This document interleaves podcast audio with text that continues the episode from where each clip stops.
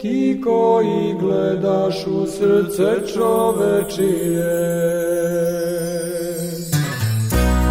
Emisija posvećena duhovnim vrednostima.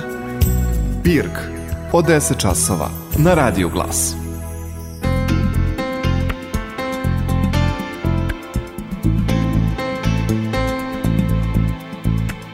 Pomaže Bog, poštovani slušalci, pratite emisiju Pirk. U današnjoj emisiji govorit ćemo o prepodobnom Maksimu ispovedniku koga Srpska crkva molitveno proslavlja 3. februara po novom kalendaru. Naš sagovornik je danas doktor teologije, gospodin Ivica Živković. Pomaže Bog, dobrodošli u naš studij. Bog pomogao. Ja, ja ću nekako započeti e, delom iz žitija svetog Maksima ispovednika. Veliki po imenu i po životu, Maksim prepodobni bi rođen u Carigradu od roditelja visokorodnih i pravoslavnih. Školovao se mnogo, proučio svu filozofiju i bogoslovlje i postao muž, premudar i slavan i na carskom dvoru poštovan. I kad bismo došli do kraja žitija svetog Maksima, priča se znatno promenila od trenutka kada je on jako poštovan, cijenjen, uvažen čovek čija se reč slušala i koji ima uticaj na dvoru, on je odlučio da, da ode sa tog dvora i da se posveti tihovanju molitvi u manastiru. Ali Bog je za njega imao drugačije planove. Pa eto, bilo bi lepo da kažemo ko je, pored ovih reči koje sam ja pročitala, bio prepodobni Maksim ispovednika. Prepodobni Maksim je u među svetiteljima pravoslavne crkve m, mm, dobio to ime ispovednik upravo zbog toga što je kao i drugi ispovednici pojam ispovednik znači onaj koji je e, odbranio svoju veru čistotu pravoslavne vere podno, podnoseći za to mnoge napore. Dakle za razliku od mučenika koji su dali svoje živote za veru i e, sveti ispovednici među svetima pravoslavne crkve su oni, tako se nazivaju oni koji su mnogo postradali za odbranu svoje vere, nisu dali život kao sveti mučenici, ali su podneli mnoga stradanja za to. Tako i prepodobni Maksim ispovednik, kao što ste dobro primetili od uh, deteta koje se rodilo u, u, u poštovanom okruženju, u porodici, koje je još od rane mladosti imao visok položaj na dvoru u prestonici, on je išao tim putem zbog toga što to upravo govori o, o njemu, o njegovoj veri. On je neke druge vrednosti stavio u prvi plan u odnosu na zemaljske položaje i udobnosti ovoga života. Po tome je i postao poznat i zbog toga ga naša pravoslavna crkva i, i dan danas proslavlja.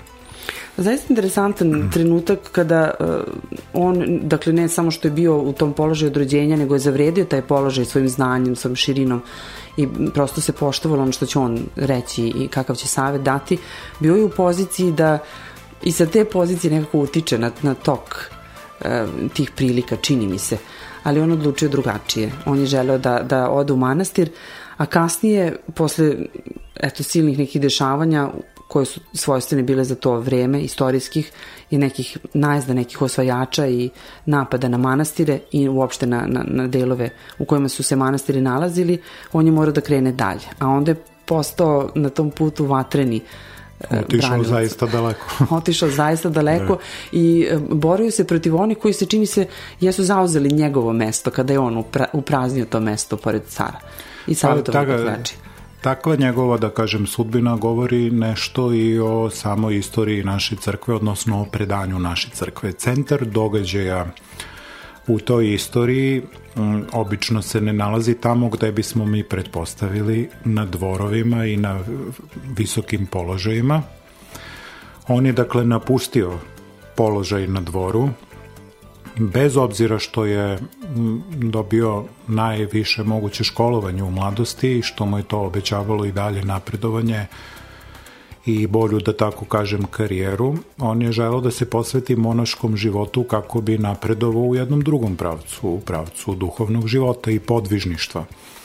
Upravo tamo sa mesta jednog monaha on je došao u dodir sa ključnim događajima koji su tada potresali život pravoslavne crkve.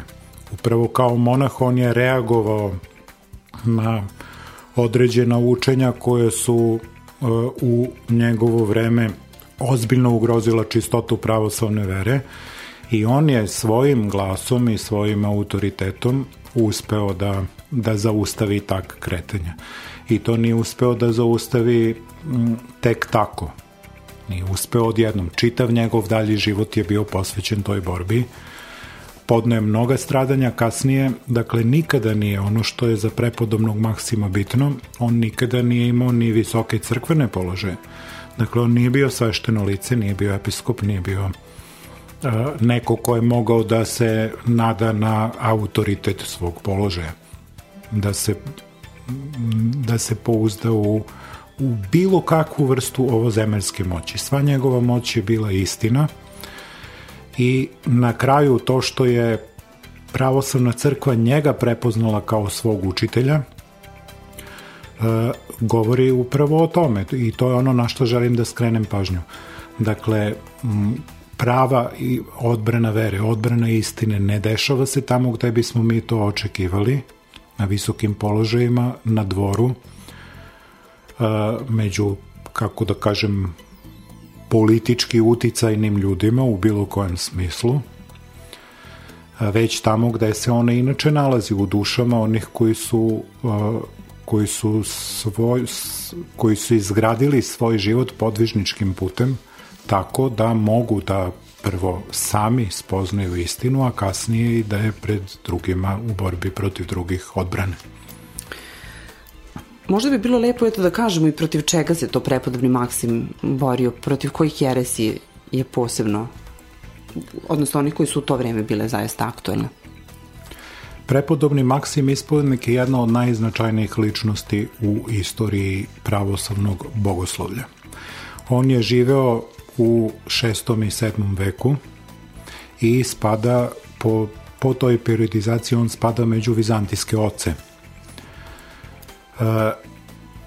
Kada govorimo o njegovom doprinosu, treba reći to da nije važno ni za njega kao ni za druge svete oce po čemu su oni bili originalni, čak ni to sa čime su se oni konkretno borili i izborili, reći ćemo i to vratit ćemo se. Ali je važno ako je on od pravoslavne crkve prihvaćen kao otac crkve, šta više kao kao ona ličnost koja u svojoj generaciji jedina u datom trenutku jedina odbranila čistotu pravoslavne vere. To ne govori o nekoj njegovoj originalnosti ili posebnom doprinosu koliko govori o tome da je on uspeo uprko svim iskušenjima da se potvrdi kao onaj ko je u datom trenutku jedini mogao da vidi istinu crkve. Tu istinu su branili i mnogi sveti oci pre njega u prethodnim generacijama.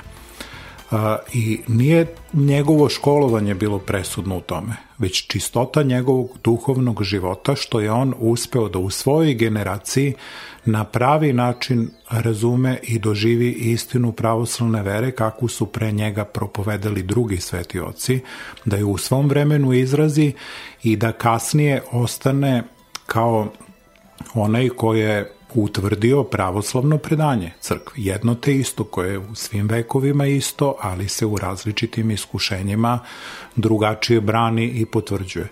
Dakle, prepodobni Maksim ispovednik je u istoriji pravoslavnog bogoslovlja poznat kao ličnost koja je napravila takvu jednu bogoslovsku sintezu, tolike širine i koji je imao takvu jednu, da kažem, viziju koja je obuhvatila toliko mnogo bitnih, ključnih pitanja koje su sva do jednog u tom trenutku bila ozbiljno ugrožena uh, od strane jeresi.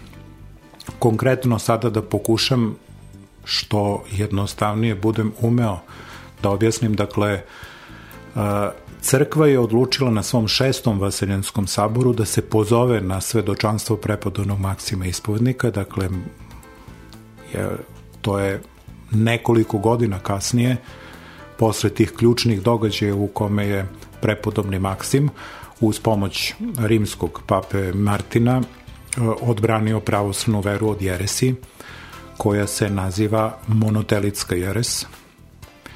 Monotelitska jeres je mišljenje onih koji su tada verovali i pokušali da nametnu da je uh, u gospodu Isusu Hristu postojala samo jedna volja. To znači izraz monotelitstvo. Dakle, jedna volja u Hristu. Po njihovom mišljenju to bi značilo sledeće.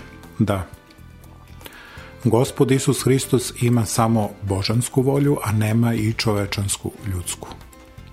Zašto je to važno? To je važno zbog sledećeg. Ako mi živimo u Hristu i ako mi posvetimo svoj život Bogu, da li mi kao ljudi uključujemo svoju ljudsku volju ili ta naša ljudska volja nestaje, gubi se i povlači se pred božanskom voljom u Hristu. Po mišljenju mono, monotelita, dakle za ljude koji žive u Hristu nema nikakve ljudske volje. Svi mi svoju volju, dakle, podređujemo, gubimo, podređujemo, povlačimo. E, međutim, pravoslavno učenje je da je u, u Hristu postoje dve volje. To što je ono što je prepodobni Maksim prepoznao, uspeo da definiše i da odbrani. E, i što je pravoslavna crkva kasnije na šestom Vasilinskom saboru potvrdila. Samo monotelitstvo, samo verovanje da li u Hristu ima samo jedna voda ili dve je posledica jedne druge rasprave dva veka ranije da li u Hristu ima postoji samo jedna priroda ili dve. Dakle, jeres monofizita koji su bili dva veka pre generaciji i o čemu se raspravljalo na četvrtom Vasilinskom saboru, znači poznata monofizitska jeres koja i dan danas, dakle, mnog, neki istočni narodi se pridržavaju tog učenja da u gospodu Isusu Hristu nije bilo dve prirode, već samo jedna. Drugim rečima, da ljudska priroda ne učestvuje u Bogu. Dakle, možda ovo nekom zvuči kao abstraktno filozofsko pitanje, ali najkonkretnije šta se dešava sa čovekom kada se obrati gospodu, kada počne da živi životom crkve ili životom u Hristu, šta biva sa nama ljudima, šta biva sa našom prirodom. Pravoslovno učenje je da dolazi do savršenog sjedinjenja jedinstva između božanske i čovečanske prirode u Hristu i da je u tome naše spasenje – dva veka kasnije oni koji su prihvatili pravoslavno učenje od dve prirode, oni su poku, dakle, rukovođeni svojim samovoljnim racionalnim razmišljanjem i računicama došli su i do takvih ideja da možda u gospodu Isusu Hristu i postoje dve prirode, ali ne postoje dve volje, nego samo jedna volja. E, o tome se radi konkretno, ne znam koliko sam to uspeo dovoljno jasno da da prikažem, ali radilo se o problemu volje. Volja u hrišćanskom životu. Šta mi pravoslavni hrišćani, vernici činimo sa svojom voljom, odnosno šta biva sa našom voljom kada želimo da živimo pravoslavnim hrišćanskim životom, kada se krstimo, kada se pričešćimo, gde je tu naša volja. Prepodobni Maksim ispovednik je u dato vreme, u ključnom trenutku, odbranio pravoslavno učenje, ono koje je deo pravoslavnog hrišćanskog predanja.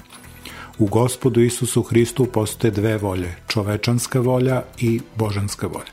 Dakle, gospod Isus Hristos je kao sin Boži koji uzeo na sebe ljudsku prirodu.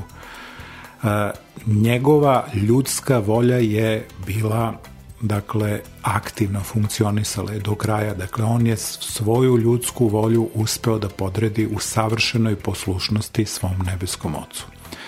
Dakle, sada i mi, koji živimo u Hristu, koji nameravamo da živimo u Hristu, nije stvar u tome da mi svoju volju izgubimo, da je umrtvimo, da je suzbijemo na bilo koji način da ona izgubi na vrednosti, već smo mi pozvani na to da svoju ljudsku volju savršeno potčinimo volji Božjoj.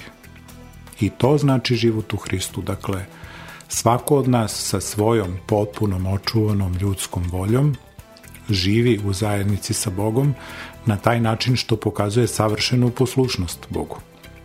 Zato što je to jedino pravo ispunjenje naše slobode, da mi potpuno sve svoje odluke uskladimo sa onim kako gospod vidi i kako on sa onim ciljem za koji, nas, za koji nas je gospod stvorio.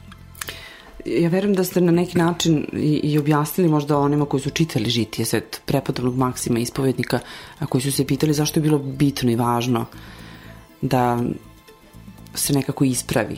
Pa to je bilo, to je, da, to je bilo važno u tom trenutku. Istorija išla u tom pravcu, dakle, a, trebalo je tada da se definiše šta je zapravo pravoslavna vera. Šta mi pravoslavni verujemo o gospodu Isusu Hristu. Da smo mi danas monoteliti, naša vera u Hrista bi bila potpuno drugačija. Naš duhovni život bi bio drugačiji. Dakle, mi ljudi jednostavno ne bismo razmišljali o tome kako da svoju volju podčinimo Boži, Božim zapovestima, nego bismo razmišljali o tome kako da je potpuno suzbijemo. Dakle, i druge jeresi su postojali i pre toga, tada u tom trenutku je došlo na red pitanje volje.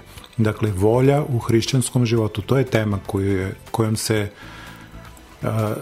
sa kojom se suočio prepodobni Maksim ispovednik i koju je uspeo u svojim rečima i svojim spisima na taj način da precizira i da formuliše, tako da to kasnije bude prepoznato i odbranjeno kao istinita reč e, pravoslavnog crkvenog predanja. Rekli ste da je uh, Papa Martin, zahvaljujući Papi Martinu, da je uh, prepodobni Maksim ispovednik uh, uspeo da, da se suprotstavi jeresi o kojoj ste govorili. Uh, e, i nekako ste rekli da nije za to bilo zaslužno njegovo obrazovanje i sve ono što je prethodilo e, sa čim je započeo svoj život i kad vidimo i taj sabor koji je održan, na koji je zapravo i, i održan na preporuku e, prepodobnog Maksima ispovednika, okupilo se 105 e, episkopa u tom trenutku, a zapravo je glavnu ulogu odigrao neko ko nije bio episkop i koji je zaista bio važan. Nečija reč i autoritet u tom smislu poštovanje prema njemu kao osobi koja zna šta Jedno, govori. Jedan od redkih momenta u istoriji crkve da su dakle o pravoslavnoj veri odlučili ljudi koji nisu dakle ni na kakvom položaju ne samo političkom nego i crkvenom koji nisu bili nosioci moći ovozemaljske moći. I to što je Papa Martin u određenom trenutku dao podršku prepodobnom Maksimu ispovedniku, kada kažemo Papa mi danas zamišljamo kao najviši crkveni poglavar, to je, mi govorimo o prvom milenijumu crkve kada je papa bio jedan od arhijepiskopa pravoslavne crkve i on u tom trenutku i sam nije bio na strani tih moćnika koji su zapravo podržavali monotelitsku jeres. I nije na kraju prepodobni Maksim inicirao sazivanje Vaselinskog sabora i da je hteo ne bi mogao. Dakle, Vaselinski sabor, bilo ih je sedam u istoriji crkve i oni su sazvani onda kada je moralo da se odredi, dakle, da li je ovako ili onako. Da li je istina na strani monotelita ili diotelita ili oni koji veruju drugačije. Šta je zapravo naša pravoslavna vera? I tada se pravoslavna crkva ne samo zato što je to sabor i zato što se tada okupljuju ključne ličnosti, nego zato što mi pravoslavni hrišćani verujemo da u takvim uslovima kada zaseda Vaselinski sabor oci pod nadahnućem duha svetoga vide, prepoznaju Moguće je da na tom saboru nije bilo nikog ko je bio na tom duhovnom nivou kao što je bio prepodobni Maksim ispovednik, ali kao što ni Papa Martin nije bio na tom intelektualnom i duhovnom nivou. Ali oni su uspeli rukovođeni duhom svetim da prepoznaju da je to ona vera koja je pravoslavna. Prepa, ja sam rekao da nije važno njegovo školovanje, ono u neku ruku i nije, ali jeste važno jer je on e, mogao, zahvaljujući svom velikom znanju i poznavanju i, i filozofije i književnosti i drugih znanja, mogao je uopšte da se suoči sa, da, sa, sa tim izazovom. Dakle, nije to bilo jednostavno pitanje. To pitanje je bilo toliko komplikovano da u datom trenutku niko znači, u čitavom pravoslavnom svetu nije mogao da raspravi o čemu se radi. A neki ljudi su insistirali verujući da su oni došli do toga. I to što je on iz svog manastira još kao monah u srednjim godinama reagovao da to što oni propovedaju nije istina. E, to je, dakle, njegova njegova reakcija, dakle on je na osnovu čistote svog života, ali na osnovu svojih drugih znanja video, prozreo da se ta vrsta propovedi nikako ne slaže sa pravoslavnim predanjem i sa onim u šta mi treba da verujemo.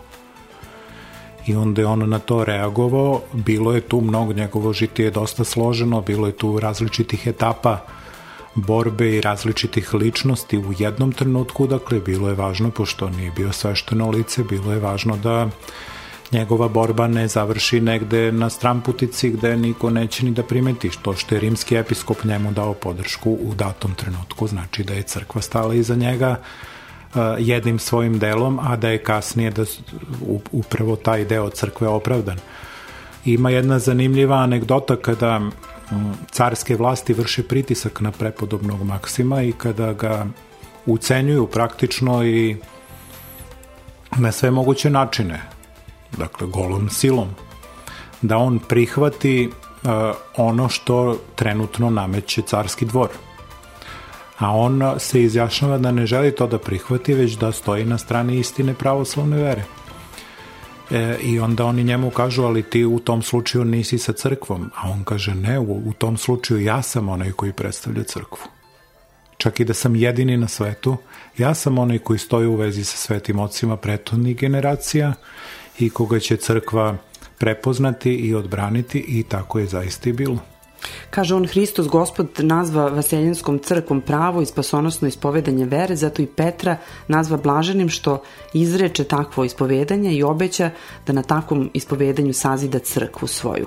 A kako kažu one koji su vršili pritisak na njega i pokušavali da ga ubede u nešto drugo, kažu Maksim je nepobediv u prepirkama i nikoga ne može pridobiti za naše našeg jednomišljenika, makar ga i na muke stavili.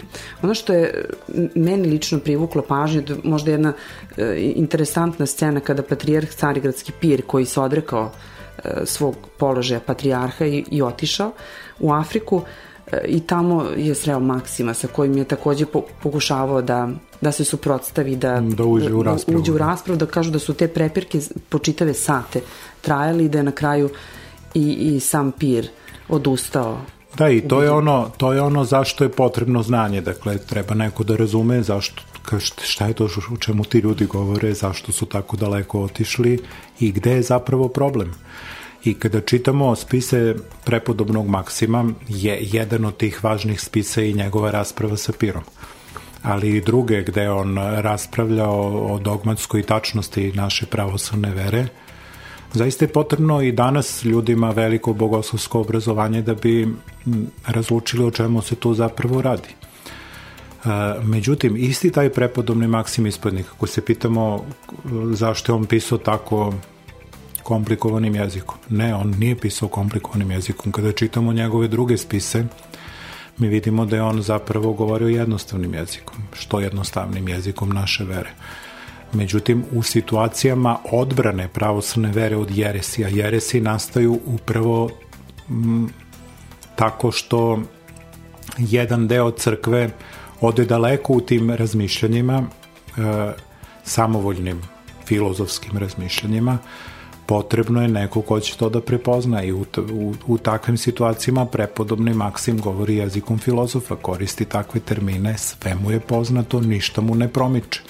Ali kada govori uh, izvan takvih situacija, uh, pored disputa sa Pirom ili drugih njegovih polemičkih spisa, mi imamo i njegova podvižnička pogleda, imamo 400 glava o ljubavi koje je pisao, uh, veoma lepim, lakim, jednostavnim jezikom i ista ličnost. Dakle, nije njegov izbor bio da on da on kako da kažem, manifestuje svoje veliko znanje ili da on nekog oduševi ili da u tome, u visini ljudskih reči traži istinu, nego onako kako diktira situacija. E, dakle, evo i sada kada pokušavamo šta je on zapravo to učinio, Govorili smo o njegovom suprostavljanju monotelickoj jeresi, ali i mnogo više od toga. Prepodobni Maksim, njegovo nasledđe u istoriji pravoslavnog bogoslovlja je još šire. Dakle, on jedan je na, načinio čitavu jednu sintezu. Šta znači sinteza? Znači, dovoljno a, imati dovoljno obuhvatnu viziju koja će da uključi sva bitna pitanja naše vere, počev od stvaranja sveta, zaključno sa večnim životom čak i pre pojave monotalitske jeresi. Pravoslavna crkva je bila ugrožena prosto nedostatkom jedne tako obuhvatne vizije nekoliko vekova pre prepodobnog Maksima živeo je čuveni Origen, koji je imao jedan svoj sistem učenja, pravoslavnog učenja, koji je tada važio. I veliki broj monaha u istočnim zemljama je poštovao Origena i njegov sistem u svom podvižničkom asketskom životu oni su sledili učenje Origena. Kasnije se ispostavilo da učenju Origena nije baš sve čisto. I zapravo generacija pre prepodobnog Maksima pravoslavna crkva se suočila sa problemom origenizma, koji je naročito došao do izražaja među monasima.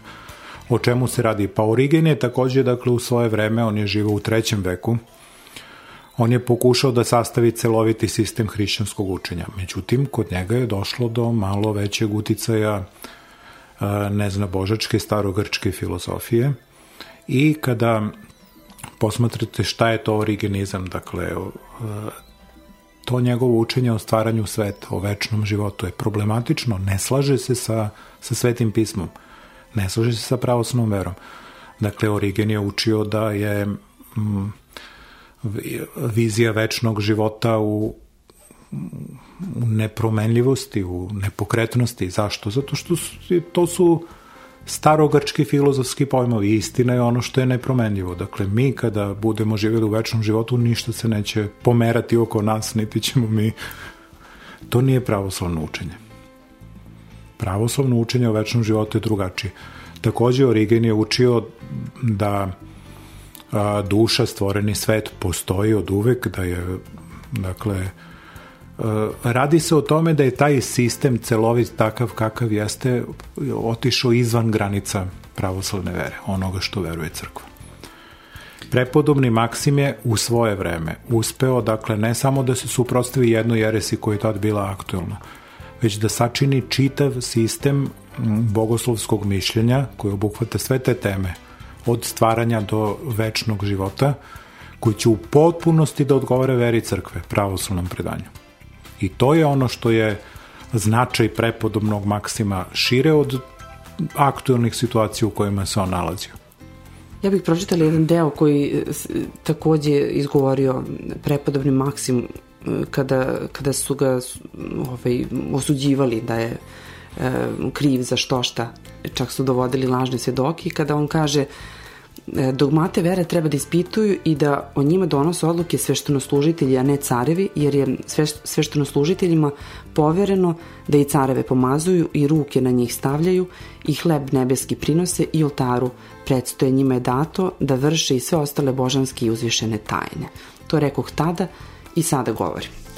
Meni ovaj deo bio u, u, kontekstu svega onog što sam čitala interesantan zato što počeli smo ovu emisiju tog, od početka njegovog žitija, od toga da ja sam rekla, pa eto, to je bio položaj na kom je on mogao takođe da ima utica i da um, utiče na, na cara i, i Raklija, da drugačije razmišlja.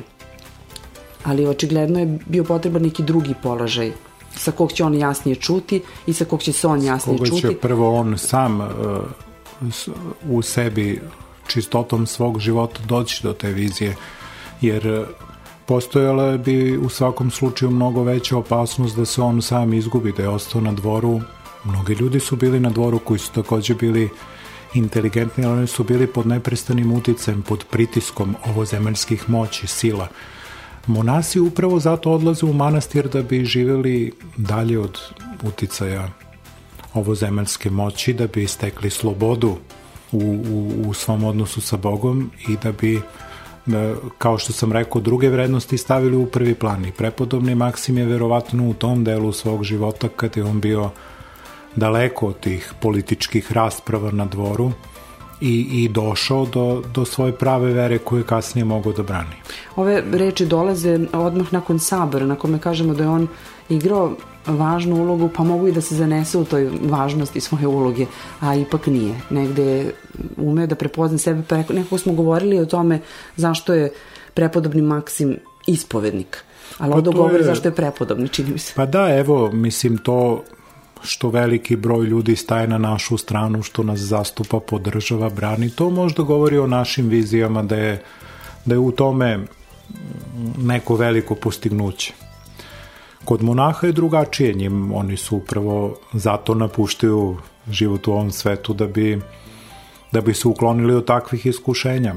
Njemu je bilo stalo do istine i on je o tome brinuo dan i noć. E, I ponekad je, ne ponekad, nego u opštem slučaju e, podrška koju dobijamo od svih, veliki ugled, prednosti koje nam daju položaj, nisu znak toga da smo mi na putu istine. Naprotiv, to je obično znak toga da tu ima mnogo iskušenja koji zamagljuju našu viziju, a potrebno je uspostaviti distancu i monaški život zato i postoji da bismo se da bi se ti ljudi distancirali od tih utice, da bi mogli slobodno, slobodno od tih iskušenja da pogledaju istini u oči.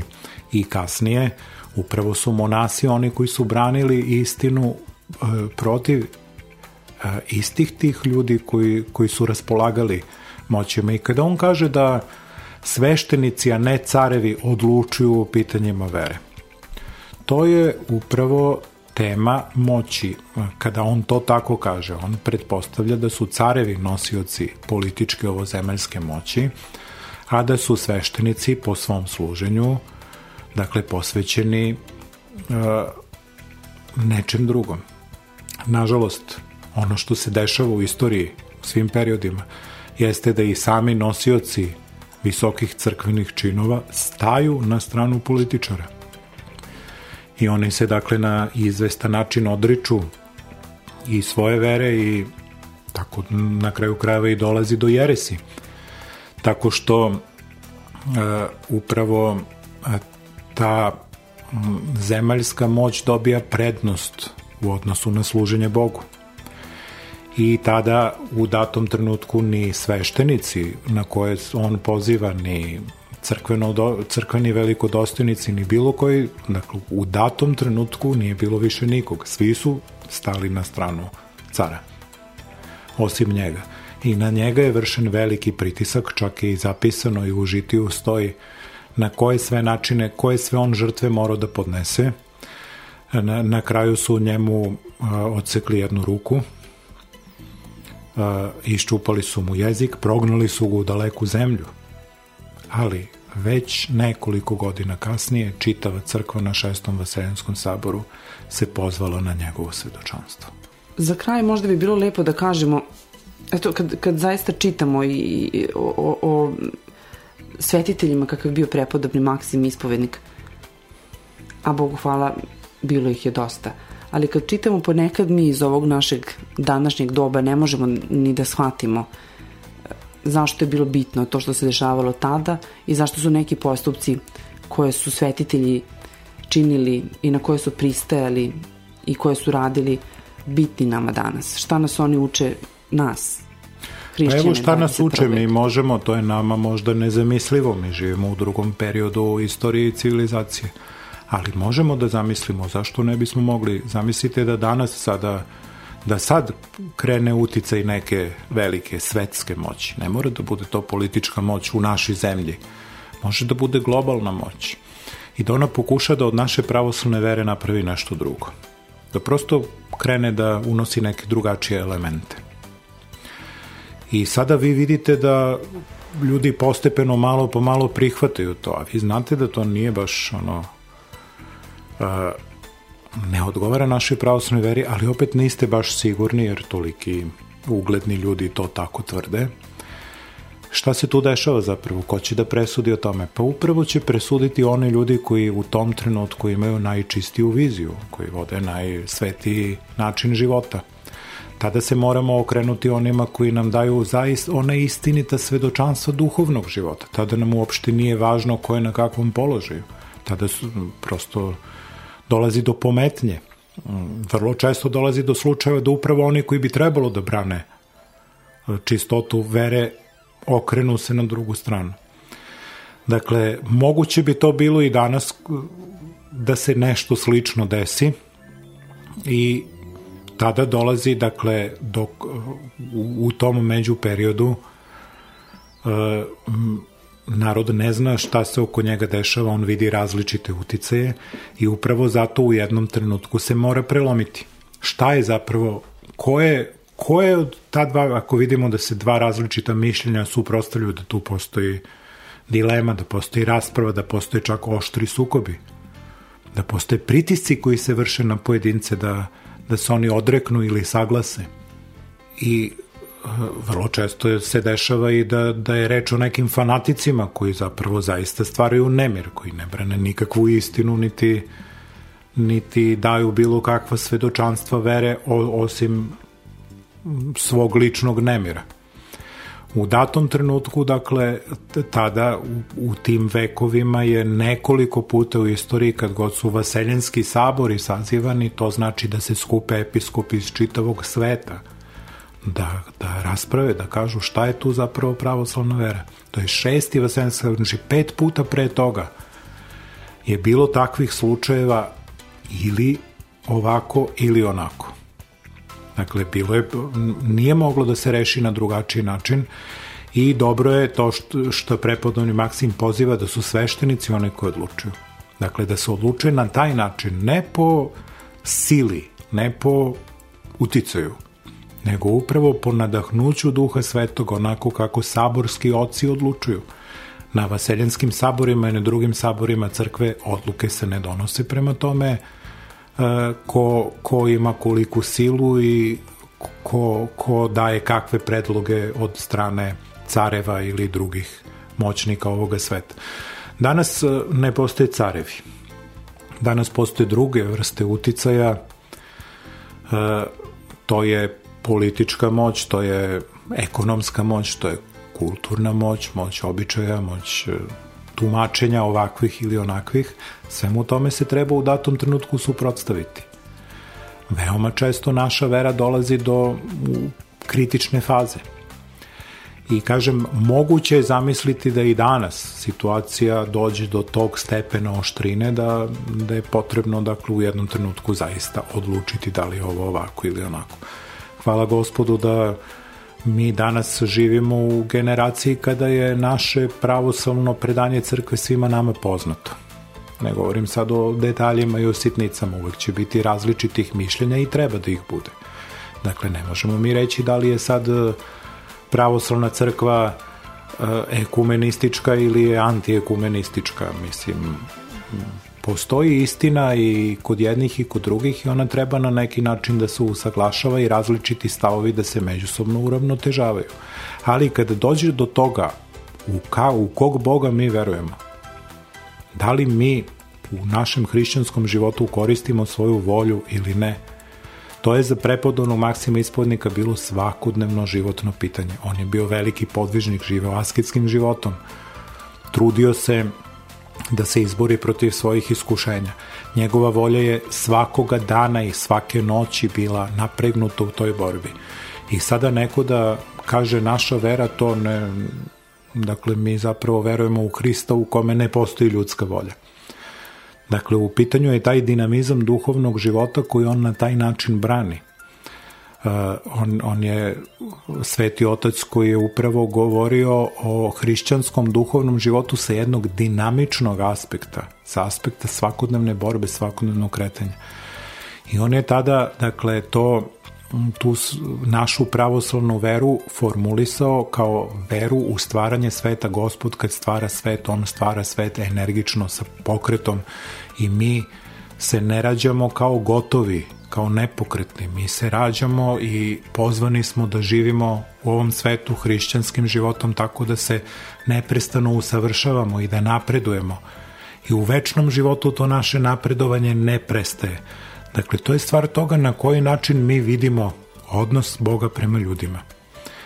Pre prepodobnog maksima postojale su mnoge drugačije vizije pod uticajem različitih filozofskih mišljenja on je uspeo, kao prepodobni otac crkve, uspeo je da na pravi istinski način oseti i vidi ono šta je zapravo pravoslavna vera. On je to uspeo da vidi, uspeo je da izrazi, da formuliše u burnim događajima svog života i u, u, u ključnim trenucima da se suprotstavi i da odbrani Kako mi to znamo? Pa znamo tako što su oci šestog vaseljenskog sabora nedugo posle njegovog života pod nadahnućem duha svetoga prepoznali njegovo učenje kao istinito i kao pravoslavno. Ne samo da su oni to prepoznali u, u, u sedmom veku, nego mi do danas, od tada do danas, čit, sva pravoslavna crkva poštuje i slavi prepodobnog Maksima ispovednika kao jednog od najznačajnijih otaca crkve. Mi koji smo studirali teologiju učimo od, od prvih predmeta na studijama, učimo koji je njegov značaj i šta je to zapravo sve on učinio ška, na koji način je on, koje su to dileme bile, šta je on to tu raspravio. Sećam se iz predmeta uvoda u bogoslovlje prvi put kada sam ja došao u dodir sa kada sam čuo za prepodom Maksima ispovednika, blaženo počevši mitropolita Amfilohije, tada episkop Banacki, predavao je taj predmet u uvodu bogoslovlje, govorio nam je na predavanjima o prepodobnom Maksimu, uspeo je da, da nam predoči značaj I to ni on sam e, sada u, u knjizi koju je nedavno napisao Vladimir Cvetković o, o svetom ocu Justinu. E, može da se vidi prvi put koliko je u učenju oca Justina bio značajan prepodobni Maksim ispovednik i mitropolitan Filohije kao učenik oca Justina to od njega preuzeo. Takođe i vladika episkop Braničarski Ignjatije koji nam je predavao dogmatsko bogoslovlje, on je sam doktorirao na na delu prepodobnog Maksima dao takvu jednu interpretaciju, uputio nas, znači ne mene, nego sve teologe tih generacije koji su studirali 90. godina i početkom 2000-ih, koji su tada pohađali bogoslovske studije. I danas jedan od naših najvećih saradnika i najeminentnijih svetskih teologa, Jean-Claude Larcher iz Francuske, E, pokušava da u svojim delima ponovo istakne značaj prepodobnog maksima i on je jedan od takozvanih maksimovaca, onih koji mogu da kažem da u mnogim bogoslovskim centrima u svetu, svuda gde se vrše ta svetotačka istraživanja, velika pažnja se pripisuje delu prepodobnog maksima. On je zaista jedan od malobrojnih, možda jedan od petorice ili šestorice najvažnijih svetih otaca crkve po svom bogoslovskom doprinosu. I meni je drago što ovom prilikom imamo, što sada imamo prilike da pričamo o njemu i što sada njega prepoznajemo i u kalendaru crkve. Zašto? Zato što neki drugi sveti oci kao što su sveti Vasilije Veliki, kao sveti Jovan Zlatousti, e, oni su istovremeno i slavljeni i njihovi praznici su obeleženi crvenim slovom. Prepodobni Maksime dojuče bio maltene nepoznat sa tog aspekta u liturgijskom proslavlju. On ima svoj praznik, pomenuli ste 3. februara, ali taj dan ne spada baš u najveće praznike, niti je to crveno slovo, ali evo sada... Ni, ni tamno. da, to je jedan od ma, takozvanih malih praznika, ali njegov bogoslovski doprinos u istoriji crkve i u odbrani pravoslavne vere je mnogo veći nego što se to na taj način može videti. E pa eto za kraj, možda bismo mogli da kažemo, ja sam na početku rekla da Srpska crkva 3. februar po novom kalendaru proslavlja prepodobnog Maksima ispovednika i to je tačno, ali nepotpuno. Pravoslavna crkva tog datuma proslavlja prepodobnog Maksima ispovednika. Koliko je onih ljudi koji sebe nazivaju pravoslavnim hrišćanima dosledno onome što je usvojeno na šestom vaseljinskom saboru i učenjima Svetog Maksima? Pa dosledno je u onoj meri u kojoj svi mi prihvatamo veru crkve. Dakle, mi kada se krstimo, kada ispovedamo veru i na liturgiji, svaki put kada čitamo veru, kada čitamo simbol vere, dakle tu se implicitno podrazumeva da je to isto ona vera, isto ono predanje crkve koje je prepodobni Maksim ispovednik u svoje vreme odbranio. Dakle, on je kao on je, on je upravo ta ličnost kroz koju je to pravosno predanje u datom trenutku odbranjeno i nastavilo da teče i dalje. Dakle, svi mi znali, mi ne znali da objašnjavamo sad koje su to bila konkretna pitanja. Ponovo ću se vratiti na temu Hrista, taj, tajna Hristova, dakle, kako mi verujemo ko je Gospod Isus Hristos, Bogo čovek, na koji način se dešava spasenje ljudi, ljudskog roda u njegovoj ličnosti. Sve je to moglo da, da bude ugroženo i bivalo je ugroženo različitim jeresima, zabludama, drugačijim interpretacijama uh, i dakle oni koji uče istoriju našeg bogoslovlja, oni znaju u kojim generacijama su koji svetioci s kojim pitanjima izlazili na kraj. Još jednom ću za kraj ponoviti da je prepodobni Maksim jedan od otaca crkve e, koji je u svoje vreme načinio sintezu dogmatskog i podvižničkog učenja.